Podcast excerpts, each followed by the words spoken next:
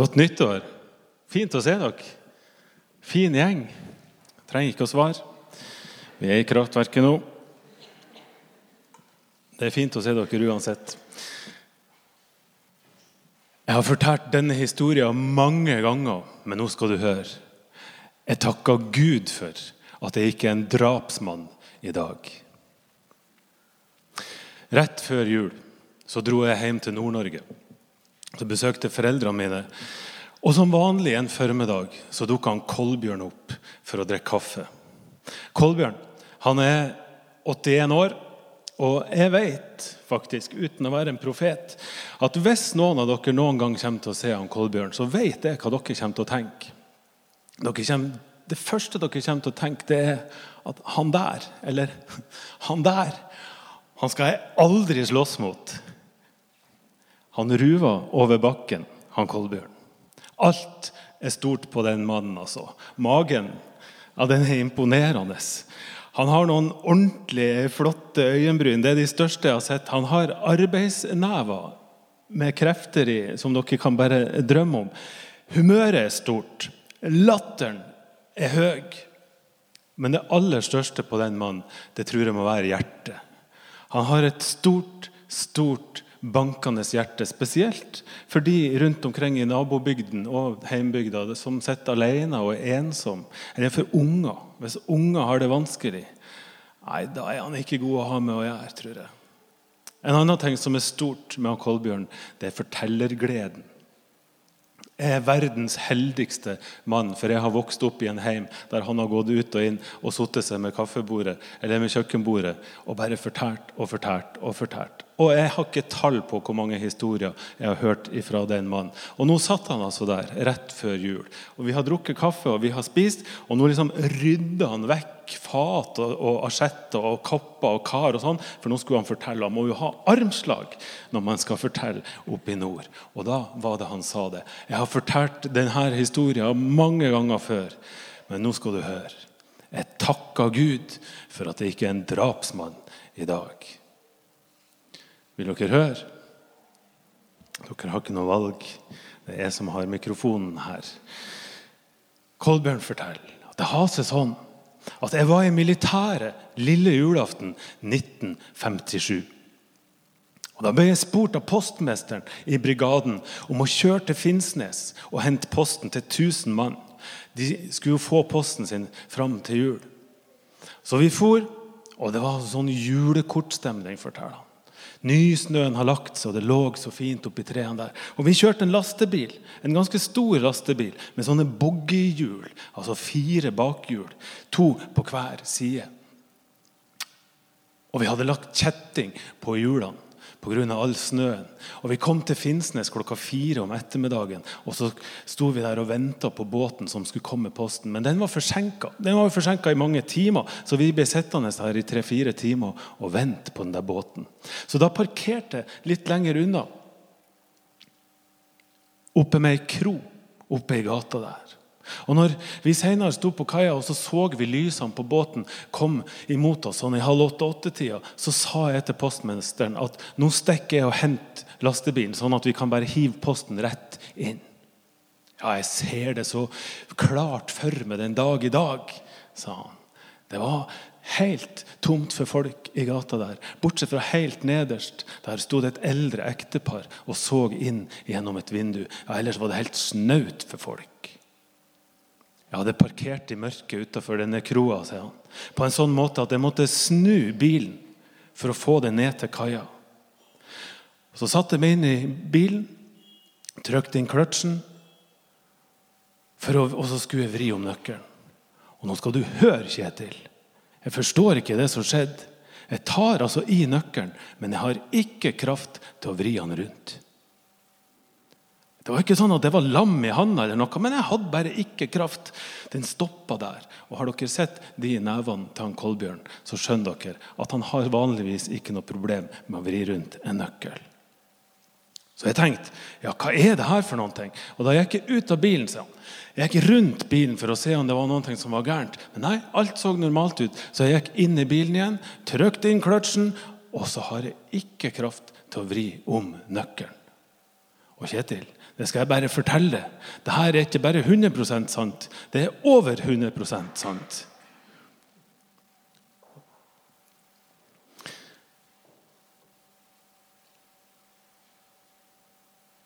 Jeg ble irritert.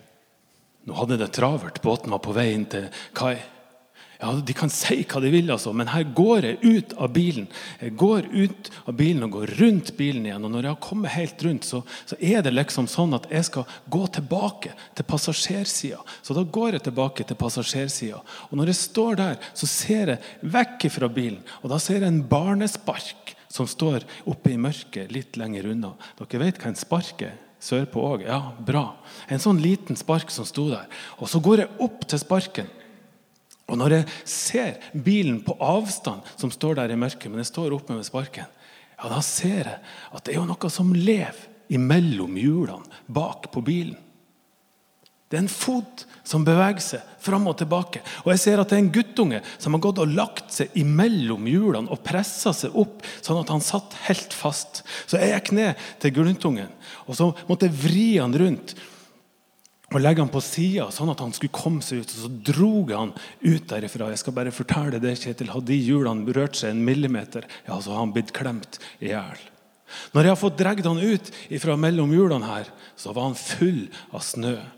Han hadde ulldress på seg. Ja, det var en flott gutt på fem-seks år. Og Jeg spurte om han hadde det bra. Ja, han hadde det bra.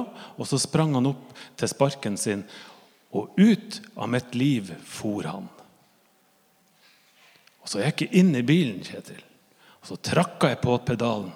Og da skal jeg bare fortelle deg, jeg hadde ingen problemer med å vri om nøkkelen. Den starta med én gang. Og etter det her ja, så har lille julaften vært like kjær for meg som julaften. For jeg vet at jeg kunne ha blitt en drapsmann, men jeg ble stoppa. Sånn sitter vi nå rundt kjøkkenbordet oppe i Nord-Norge og forteller hverandre. Jeg er Norges heldigste mann som har vokst opp i ei bygd med denne fyren. Og jeg yter ikke denne historien noen rettferdighet. Det er ingen som kan fortelle som han Kolbjørn. Det er et helt annet inntrykk å sitte der og høre skravla hans går. Men er ikke det en utrolig fin historie? Og jeg er i hvert fall ikke et sekund i tvil om hva jeg skal tro. Hvert eneste ord han forteller, det tror jeg på. Jeg tror det er helt sant. Men spørsmålet er hva tror dere? Og hva var det egentlig som skjedde? Hvordan kan vi forklare det? Si at det er sant, men hvordan kan vi forklare at noe sånt skjer? Det kan vi sitte her og spekulere litt på. Nå har vi nettopp feira jul med altfor mye mat for noen av oss. Men i kirka så har det vært enkle og jordnære fortellinger om fulle herberger, om en familie på vandring. Det har vært stall og krybbe og et lite barn som ligger der. Det er lett å se for seg, vi kan nesten ta og føle på det. Lukt de historiene der. Og nå er jula over, og vi har beveget oss inn i det som kalles åpenbaringstida i kirkeåret. Og Da skal vi vende blikket litt bort fra dette jordnære, enkle, forståelige. Bort fra stall og krybbe og prøve å fornemme det uforståelige. Nemlig at det lille barnet som vi feirer jula, det er Guds sønn. I all sin kraft, i all sin storhet, i all sin hellighet. Og For å forstå det der ja, så prøver vi å bruke tanken. ikke sant? Vi prøver å bruke forstanden vår, intellektet. Vi leser om dette, vi hører om dette, vi erfarer enkelte ting. Vi føler. Men dette det er for stort til at vi klarer å forstå det helt. Det er for stort til at vi klarer å gripe, tak, gripe tak i det. Det må altså åpenbares for oss. Og Derfor må hete denne tida åpenbaringstida. Det er så stort at vi må bli grepet av det ubegripelige. Det må åpenbares for oss. Og Teksten som Elise nettopp leste, den har en sånn ufattelig dimensjon. Den har et sånt guddommelig nærvær som sprenger all vår forstand. Sprenger alle grenser. Husker dere? Det er helt i starten av Markusevangeliet. Markus han hopper over både krybba og stall når han skal innlede sin fortelling om Jesus sitt liv og sin virksomhet. Han starter ute i ødemarka. Jesus han har allerede rukket å bli 30 år gammel. Det yr av liv der. Det er gresshopper og det er villhonning som har fått selskap av store folkemengder fra Judea, fra Jerusalem. Husker dere den ene setninga? Det sto fra hele Judea og Jerusalem dro alle ut til ham. Sto det i teksten. Det er folksomt der ute. Det er masse som skjer. Og det folket gjør der ute, jo, de bekjenner syndene sine, og så ble de døpt i elva av Johannes. Og Dette var en renselsesdåp. For å vise alvoret i omvendelsen så gikk folket ned i elva, vaska av seg det gamle livet. De vaska av seg alle synder, alle urenheter, og så gikk de rein opp ifra vannet, klar for å starte et nytt liv. Det dreide denne dåpen seg om. Og Det jødiske folket de var vant til sånne renselser. Det var så mange ting som gjorde at de ble ureine. Hvis de spiste feil mat eller omgikkes feil folk eller jobba på hviledagen, og sånn, så ble du urein. Og I tillegg så ville de rense for alle syndene sine. Svik og baksnakking og umoral og hevn og alt mulig rart. Johannes sin dåp gjorde det mulig at de kunne legge alt dette bak seg, og så kunne de starte på nytt. Og plutselig så sto han der. Plutselig så sto Jesus midt i det yrende livet og sier at 'jeg vil at du skal døpe meg'. Er ikke det ganske spesielt? At Jesus vil at Johannes skal døpe ham når dette er en renselsesdåp. Fordi Jesus han var jo uten synd. Han var ikke urein. Det kan vi lese flere plasser i Bibelen. At dette er en helt ren person. Han hadde ikke behov for å vaske vekk noen ting som helst. Men Jesus insisterte på at jo, du må døpe meg. Bare sånn kan rettferdigheten skje, sier han i en parallell tekst i Bibelen.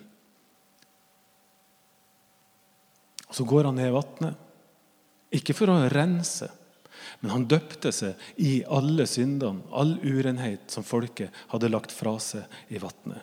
Skjønner dere forskjellen? Mord, tyveri, misunnelse, sjalusi, hevn, baksnakking, all slags urenhet. Alt folket hadde sagt og fortalt til Johannes. Det lå der. Jesus gikk ned i vannet. Så bada han på en måte i alt dette her. Og da han steg opp av vannet, ja, da bar han alt folket si synd på seg. I hvert fall i symbolsk forstand. Ser dere forskjellen her? Ja, litt pinsevenn nå. Nå må jeg bare skjønne så jeg slipper å ta det på nytt. Flott. Takk. Her starta Jesus sin tjeneste. En tjeneste som slutta på Golgata, der han bar all verdens synd opp på korset. Ser dere det? At denne lille hendelsen, denne enkle handlinga å bli døpt av Johannes Her kommer kjerna i budskapet, kjerna i Bibelen, kommer til overflata. Hele evangeliet blir altså synlig i denne enkle hendelsen. I hvert fall i symbolsk forstand. Og Denne handlinga markerer starten på at nå skal Guds frelsesplan iverksettes. Fordi det er fra dette øyeblikk at Jesus starter sin tjeneste. Det er et heftig, heftig øyeblikk, og dette er så stort at det kan virke som om Gud ikke klarer å sitte i ro og se på. Men han må bare gjøre noen ting. Sånn ser det ut. Og i all sin kraft og i stor, all sin storhet så deler Gud himmelen åssen det nå enn må ha sett ut. Og så sender han Den hellige ånd som ei due over Jesus. Det klarer vi kanskje å se for oss. Men til slutt så runger altså røsten utover hele ødemarka. Du er min sønn, den elskede.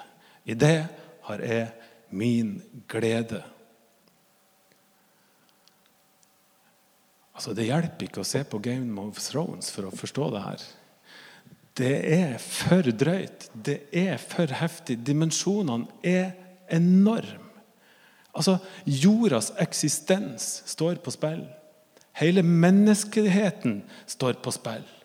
Naturlovene oppheves. Prøv å gripe det, den som kan. Og fortell meg åssen du gjør det. For jeg har ikke sjans å gripe det der. Men ønsket jeg har, det er at vi i kraftverket skal bli grepet av det. På en sånn måte at det preger livene som vi lever. For i kraftverket så tror vi nemlig det. At det fins en verden som er større enn denne her.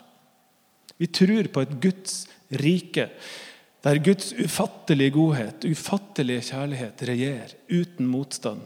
Og vi tror at gjennom Jesus så har denne verden blitt tilgjengelig for oss allerede nå.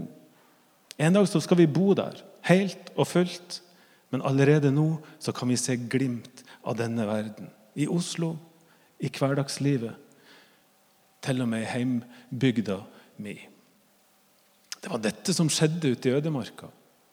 De fikk jo ikke bare se et glimt, men de fikk jo se et voldsomt glimt inn i denne andre verden. De så at dette er sant, at dette er på skikkelig. Og Jeg vet ikke hva slags forventninger dere går rundt med i kraftverket for å se sånne ting. Vi er jo ganske rasjonelle her på, i huset. Ganske tilbakelent. Og det er ganske fint å være rasjonell og tilbakelent, også når det gjelder tro. Men et spørsmål som jeg har lyst til å legge litt inn over oss i dag, det er kan det være at vi forventer litt lite av Gud? Kan det være at vi undervurderer Gud med vår tro? I Nord-Norge der har Gud mange navn. Og når jeg spurte Kolbjørn du, hva tror du, hva var det som skjedde, hvordan forklarer du det der, da trakk han ikke pusten engang. Men han sa ja, det var allmakta. Jeg er ikke i tvil.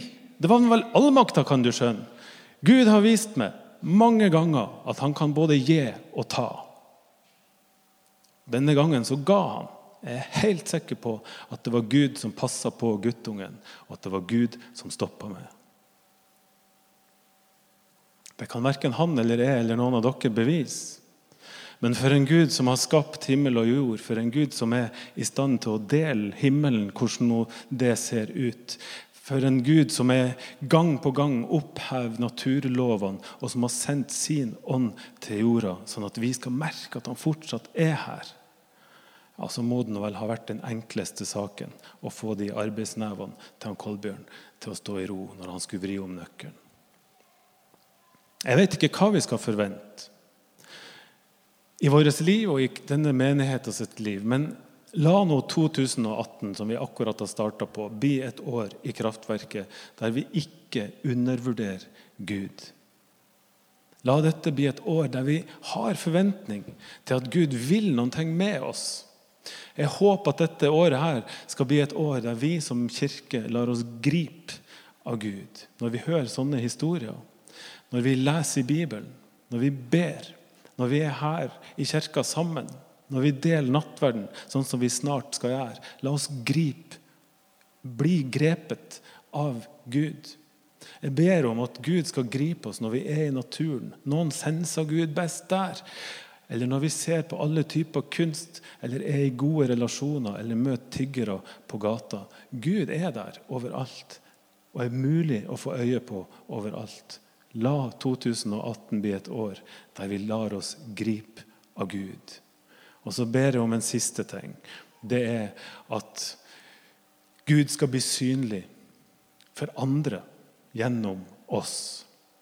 Og Det kan skje hvis vi stiller oss til tjeneste og disposisjon for Gud og sier vær så snill, la Guds rike bli synlig gjennom mitt liv, gjennom denne kirkas liv. La oss ikke undervurdere Gud, men la oss leve med forventning om at gode ting skal skje. Vi skal snart ha nattvær. Og før det så skal vi ha en sang. Vær så god.